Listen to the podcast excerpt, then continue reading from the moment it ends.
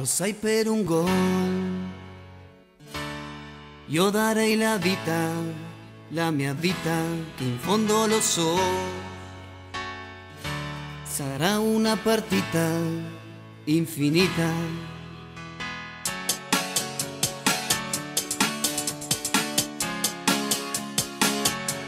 El sueño que hoy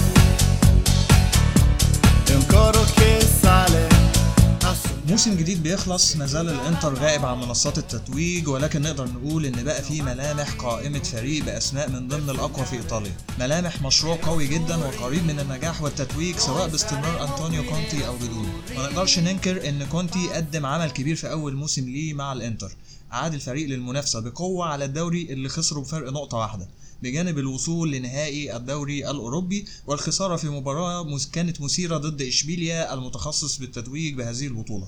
أكيد التتويج بواحدة من البطولتين دول كان هيفرق نفسيا بشكل كبير وهيدي ثقة أكبر لمشروع إنتر ميلان. ولكن اللي اتحقق بالفعل على أرض الواقع كان مرضي وأصبح التحدي المطلوب في الموسم الجديد أكبر. ومطلب التتويج ببطولة الدوري بقى مطلب واقعي جدا ومشروع للجماهير. مشروع إنتر ميلان عليه مجموعة من التحفظات رغم كل ما سبق ويمكن على رأسها سياسة التعاقدات ومدى حاجة الفريق لكل اسم بيتم استقطابه ومعدل الأعمار. هل الإنتر بيضحي بالمستقبل من أجل حاضره. بنرحب معايا بياسر شنشن العائد من جديد لبرودكاست صوت الكورة. ازيك يا ياسر؟ الحمد لله يا علي ازيك؟ أخبارك إيه؟ الحمد لله. هل الانتر بيضحي بالمستقبل من أجل الحاضر؟ والله يا علي قبل ما نتكلم في النقطة دي لازم نرجع خطوات لورا شوية ونشوف الخلاف اللي كان حصل بعد نهائي اليوروبا ليج الخلاف اللي كان حصل ما بين الإدارة وكونتي. الكونتي كمدرب ليه تجربة كبيرة جدا وترك بصمة في جميع الفرق التي درب فيها ده اليوفي ومنتخب إيطاليا وتشيلسي والإنتر حاليا. لكن دائما تصاحب كونتي المشاكل في كل الإدارات. دائما بيوضع بيضع اللوم على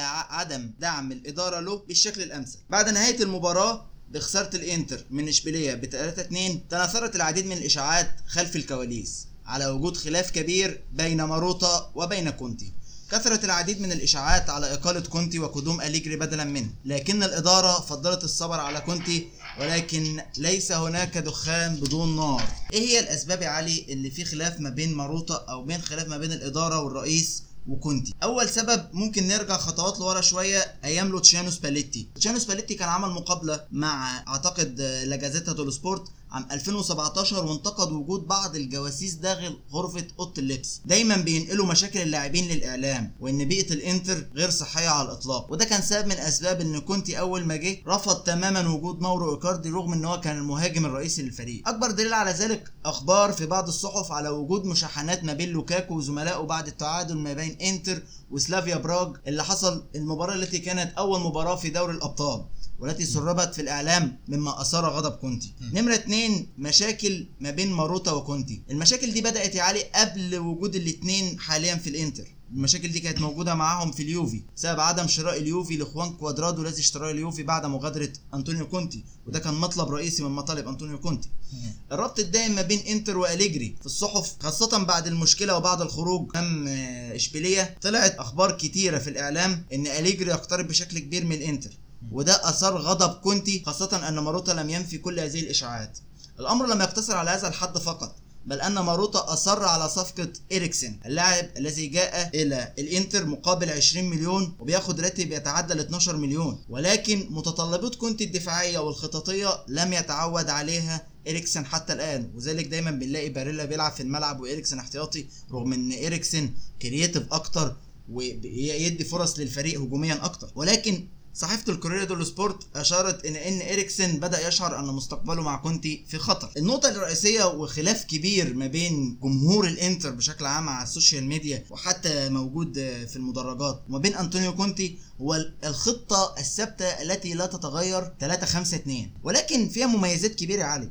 بمعنى إيه؟ إن هي بتوفر الزيادة العددية في التحضير من الخلف وده بان بشكل كبير جدا أمام برشلونة في مباراة الذهاب اللي كانت في الكامب نو إن برشلونة كان بيحاول يضغط بشكل كبير ولكن وجود خمسة في خط الضغط بيسهل عملية الخروج بالكورة. يكون متاح عدد كبير من اللاعبين لحامل الكرة الأمر الذي يصعب مهمة الضغط على الفريق المنافس. برضه تألق لوتارو ولوكاكو في خطة الاثنين striker شيء مميز جدا أضافه أنطونيو كونتي. هما الاثنين سجلوا لوحدهم 37 هدف في الدوري فقط. استغلال أطراف عن طريق ال wingات الأمر الذي يضطر الخصم إلى عمل stretch دفاعي عشان أنت لما بتهاجم ب wingات فاتحين الملعب على الآخر.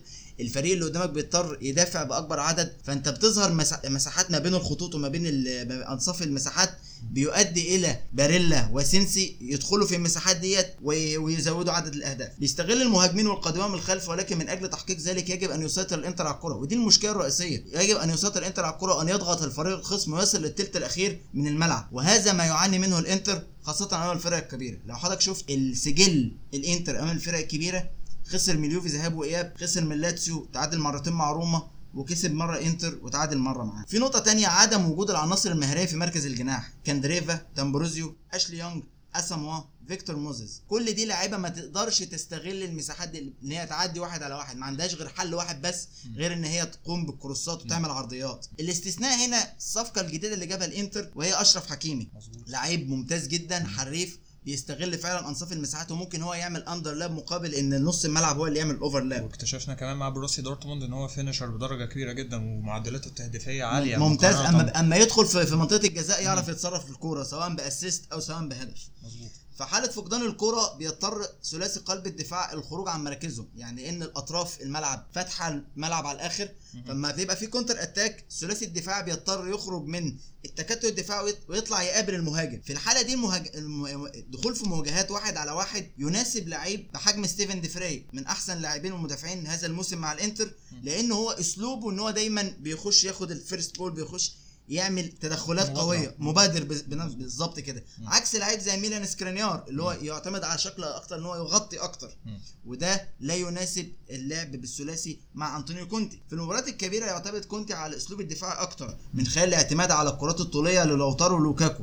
وعدم خروج الأجنحة بشكل كبير مما يؤثر على الشكل الهجومي ويؤدي إلى انكماش الفريق ويستقبل اللعب بشكل أكبر ويتحول الفريق إلى 5 3 2 ممكن النقطة دي بسبب قلة جودة الأجنحة اللي موجودة في إنتر ميلان كمان فممكن هذا السبب ما بيعتمدش على الأجنحة ولا دي بشكل عام أصلا أسلوب لعب كونتي في كل الفرق اللي كان بيدربها؟ والله يا علي هقول لحضرتك هقول لك حاجة يا علي. الفكرة هنا كمان إن كنتي في بعض الماتشات بيحس إن هو يخرج بالتعادل أفضل من إن هو يفوز. فده بيؤدي يعني الفريق بشكل عام خاف يبادر. فبيضطر ينكمش. فهي دي مشكلة رئيسية إن أنت دايما إن أنت بتلعب wing back لازم تضغط ولازم تفتح ملعبك لأن لوتارو ولوكاكو بيقوموا بشغل كبير جدا وبيجهدوا بشكل كبير في ال first ball إن هو ياخدوا الكرة ويبدأوا يحضروا لعب. في نقطة تانية كمان ان إن لهذا السبب يعتبر صفقة حكيمي مميزة جدا. لأنه كان متألق زي ما أنت قلت يا علي في خطة 3 4 2 1 ودايما وفي دايما أخبار في السوق بشكل عام على التعاقد مع ألونسو. وأنا شايف إنها تبقى صفقة ممتازة ناحية الشمال لأنه هيقدم البعد وهيقدم ال width للفريق. في نقطة تانية علي كمان إن دايما كونتي أما يغادر من الفريق يعني في مصطلح كده إن هو يترك الفرق كالأرض المحروقة. إصرار كونتي على أسلوب 3 5 2 بيفتقد الفريق إلى مركز الجناح بشكل تمام لأنه يعتمد على ال wing back. وال wing back لعيبة يعتبروا انتهوا في الكورة معنى يمكن إيه؟ لسه النقطة اللي كنا بنتكلم فيها إن هو بيعتمدش على على ال wing backs وبيعتمد أكتر على إنه يلعب كورة طولية الاثنين مهاجمين لأن هو أصلا مش بيعتمد ال- الأسلوب ده في خطته. هو كمان في نقطة كمان على ال wing back ده ما, ما تقدرش تعتمد عليه في مركز في إن هو يبقى ظهير. في خطة 4 4 2 مثلا. لأنه دايما بيبقى ضعيف دفاعيا ودايما معتمد على إن في ثلاثة وراه. آه. ولا تستطيع أن تعتمد عليه في مركز الجناح لأنه يفتقد للمهارة اللازمة. المثال ده واضح بشكل كبير مع تشيلسي. أما تش... أنطونيو كونتي جه محتاج ماركوس ألونسو احتاج زاباكوستا احتاج موزيس احتاج لعيبة profile معين. بعد ما اما أما أنطونيو كونتي غادر من تشيلسي الفريق دلوقتي مش عارف يبيع اللعيبة دي فين. وأكبر مثال على كده إن إدارة تشيلسي راحت اشترت تشيلويل ب 50 مليون مع مع وجود ألونسو وبالمييري. ولكن هم لا يتمتعوا بالوعي الدفاعي المطلوب واضطر نادي برضه لشراء بوليسيتش وزياش لعدم وجود أجنحة تصنع الفارق على الصعيد الهجومي. فيما معناه إن تشيلسي حتى الآن كان لسه بيعاني من من فترة كونتي واختياراته الفنية. هو السؤال الأهم هنا هل إنتر بعد كونتي هيعاني نفس القصة؟ مفيش أجنحة واضحة باستثناء سانشيز؟ سانشيز ما بيلعبش أساسي بيريزيتش هيرجع من بايرن هل هو هيعتمد عليه بشكل مهم؟ فده سؤال برضو. الإنتر هي- هل هيعاني بعد كونتي لأن إحنا بنتكلم بهذا السيناريو السنة دي سنة صعبة جدا ومهمة لأنطونيو كونتي في استمراره على القيادة التدريبية للإنتر. الإصرار على اسماء بعينها. دايما بنسمع علي على كونتي إصرار على لاعب معين ونفتكر مع تشيلسي كان دايما مصر إن هو يجيب لوكاكو رغم إن جاله مراتا ولكن ما قدرش يستغله زي ما استغله لوكاكو. دايما لاعب لا يريد غيره حتى لو عمره كبير. لا يناسب مستقبل الفريق. والكلام هنا على ارتباط النادي مع أرتورو فيدال. أرتورو فيدال من أول ما جه كنت وهو طالبه. حتى رغم إن هو سنه 32 سنة في الوقت الحالي في الوقت الحالي 33 لكن السنة اللي فاتت ورغم 33 وجود تحفظات كتير على مستواه مع برشلونة مش بنفس ال- الاستمرارية مدار وكمان. عنده بعض الإصابات اللي عنده فيها مشاكل. كولاروف أعتقد النهارده أعلنت بشكل رسمي إن كولاروف آه، إلى الإنتر. دايما بيصر كونتي على إن القطعه الناقصة في متوسط ميدانه هو فيدال هو فيدال. والبعد عن صفقة مهمة جدا الميلان خطفها منه اللي هي ساندرو تونالي. وأيضا في بعض التقارير الصحفية قالت إن من كوريدور سبورت بتبرئ كونتي من بعض ال- ال- الانسحاب من صفقة تونالي وماراش كومبولا لاعب كيفو فيرونا. بسبب عدم وجود سيولة في النادي إن رئيس النادي يريد أن لا يتهور كثيرا في الصرف بسبب اللعب المالي النظيف.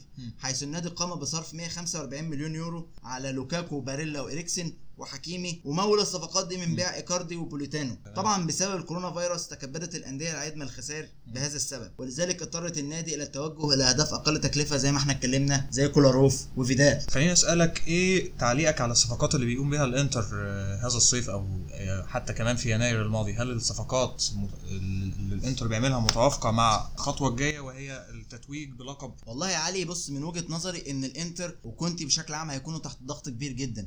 لأن أنا من وجهة نظري إن إن إنتر هو المرشح الرئيسي للفوز باللقب مع وجود مشاكل مع أندريا بيرلو. تجربة جديدة عليه. ما ضربش حتى في لاعبين لاعبين شباب.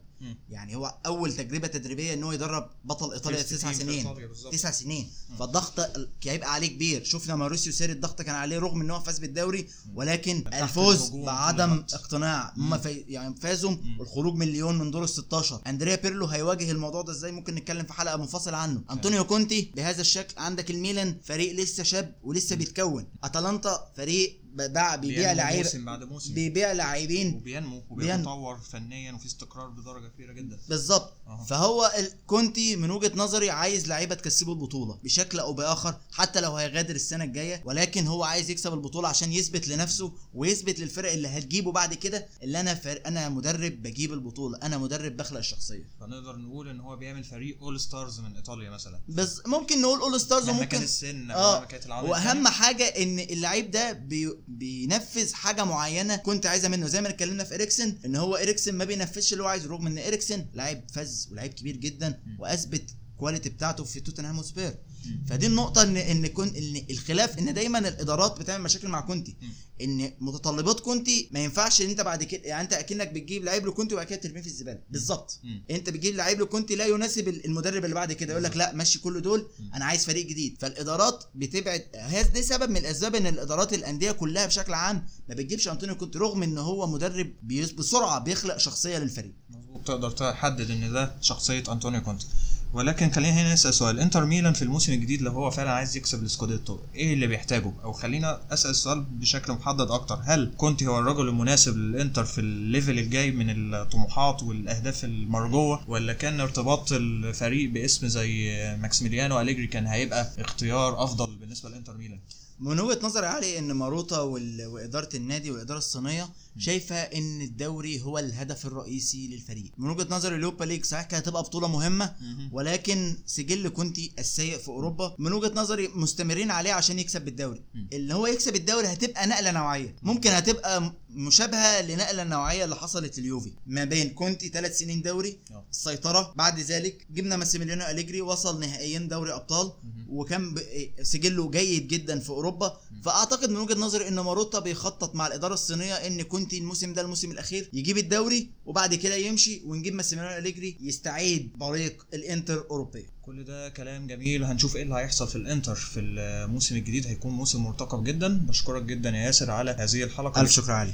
العفو ليك. شرفتني في هذه الحلقة. اتكلمنا فيها عن الإنتر. تقدروا تسمعوا البودكاست على منصات مختلفة سواء على ساوند كلاود على اليوتيوب وبالاخص على application أنغامي. تقدروا تعملوا follow لل account البودكاست سواء على آه، تويتر أو على فيسبوك. تقدروا تعملوا like للصفحة الخاصة بصوت الكورة. نشكركم آه، شكرا جزيلا على الاستماع وإلى اللقاء في حلقات أخرى إن شاء الله.